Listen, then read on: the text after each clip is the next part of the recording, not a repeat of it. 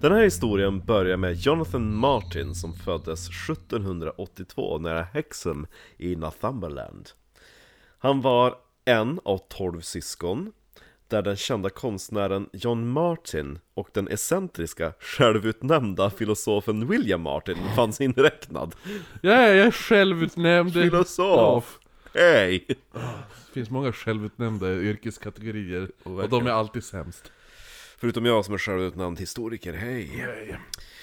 Själv så hade Jonathan tunghäfta, eller tongue-tied som det heter på engelska, vilket gav honom talsvårigheter. Jaha. Jonathan uppfostrades utav sin aunt, jag vet inte om det är på morsans... faster eller moster. Ja, Mm. ja. Anne Thompson. Som var en riktig protestant med en väldigt, väldigt tydlig och livlig föreställning av helvetet. Jaha. Som hon gärna berättade för, för Jonathan. Krösa-Maja, Ja, alltså. Ja, jo exakt. Vi ska brinna i helvetet, ungjävel. Så tänker jag att det lät i, i det hushållet. Senare Åh, så... berätta en till saga, snälla! Tant Ann. Ska jag berätta om vad som händer när du brinner i helvetet?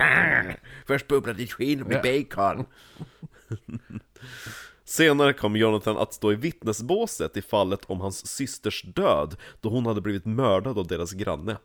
Ja, Oj då! Det hände mycket nära Ja, jo, var... familjen.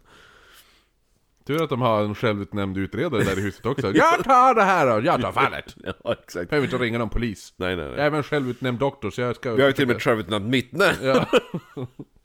Vad var det jag såg i förrgår? Jag såg ingenting! Är jag säker på det? Ja, jag tror det! Ja. Efter det så skickades Jonathan till sin farbrors gård för att återhämta sig från chocken. Så småningom blev han lärling till en färgare, alltså en tanner, men blev tvångsinskriven 1804 och tjänade i sex år ombord på HMS Hercule, där han såg action vid slaget om Köpenhamn. Jaha. Ja. Hans skeppskamrater noterade att Jonathan hade en, en religiös besatthet redan då. Och Jonathan lämnade flottan 1810 efter att fartyget hade skrotats. Och han återvände då till Northern i Durham. Där han gifte sig och fick sonen Richard. 1814, vilket var samma år då hans föräldrar dog. Och Jonathan bestämde sig för att bli en, en predikant i metodistkyrkan. Som var då en kyrka som tog stort avstånd från The Church of England. Och han fick ett rykte om sig för att störa andakterna i, eh, alltså i vanliga kyrkor. Gick han bara in i andra kyrkor? Ja, men Började alltså- predika? Jag tror att det var, kanske var eh, kyrktvång då fortfarande, vad vet jag. Mhm, ja okej. Efter att ha hotat att skjuta biskopen i Oxford. Han blev arresterad och dömd 1817 och skickades till ett eh, mentalsjukhus i West Auckland.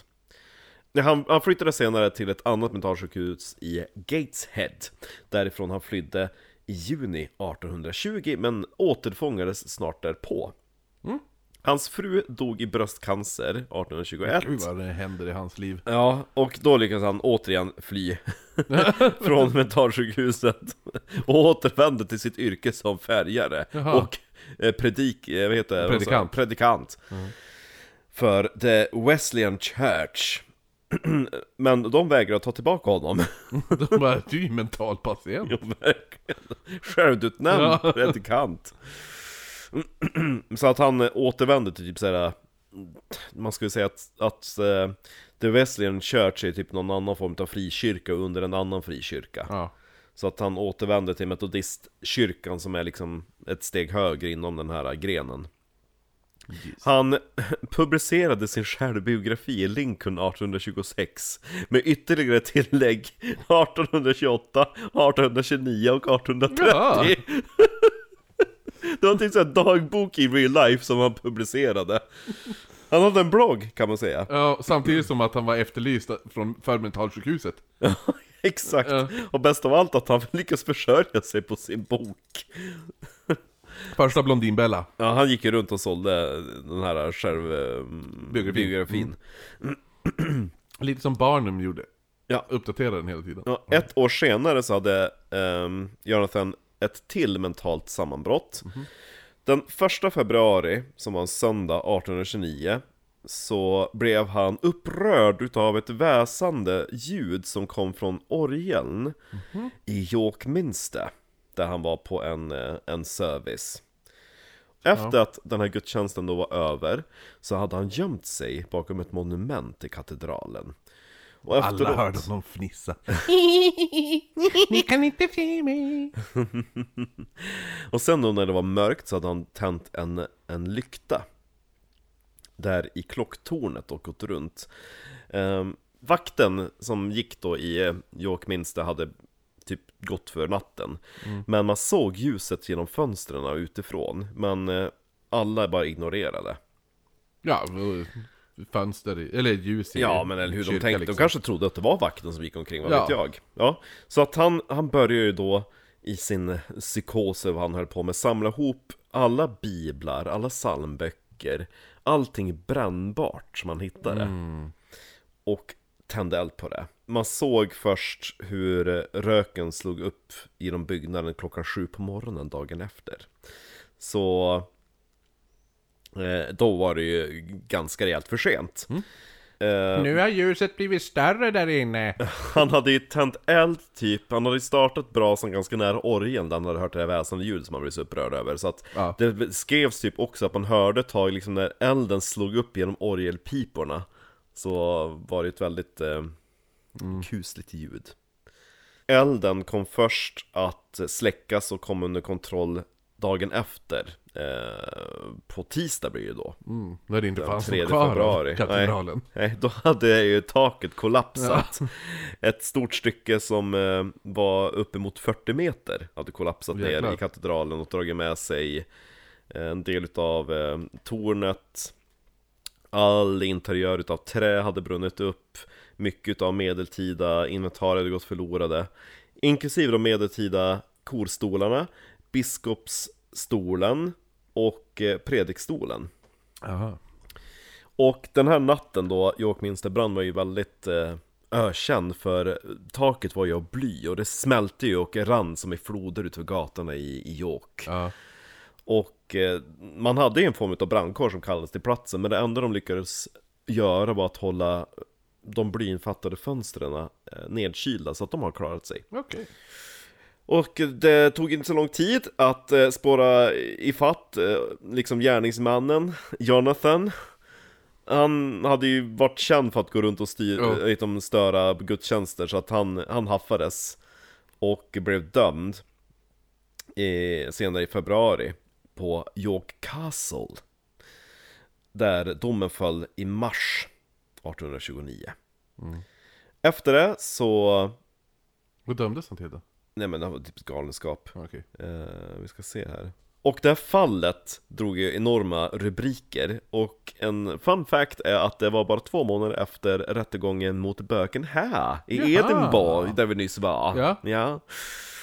Och Jonathan Martin försvarades av en Henry Brougham som hade, som hade blivit väldigt berömd för att han hade försvarat Queen Caroline 1821. En enhetlig jury dömde honom ansvarig för eh, förstörelsen utav York Men den här, eh, vad heter advokaten då, Henry Brum, verkar ju ha lyckats övertala domaren. Så domaren vände då domen som egentligen skulle blivit eh, en avrättning Ja. till att han var, eh, att till att Jonathan då var sinnessjuk och kunde inte hållas ansvarig för sina gärningar och han skickades då in på The Bethlehem Royal Hospital där han förblev fram till sin död nio år senare. Under den här perioden på Bedlam Royal Hospital, eller Bedlam Asylum, så gjorde Jonathan flera tavlor som ofta för- föreställde apokalypsen. Ja, från eh, sagorna, hans, eh, hans eh, Tant, aunt. ja, exakt. berättade. Och eh, The Destruction of London. Ehm, och hans son Richard från hans eh, gamla äktenskap blev uppfostrad utav brorsan John. Ja, han hade väl 11 syskon. Ja, men Richard begick självmord i september 1838, tre månader efter sin fars död. Han kan inte vara gammal. Nej. Så det var då historien om natten då York Minster brann. Mhm, det var lite roligt faktiskt. jo, faktiskt. Alla var så här självutnämnda experter Jo, eller hur? familjen. Och så alltså, hände så Jag ska jävla förhöra mycket. mig själv! Ja, alltså, hans syster dog, blev mördad. Jo. Han blev tvångsinskriven i flottan. Han åkte in och ut på mentalsjukhus.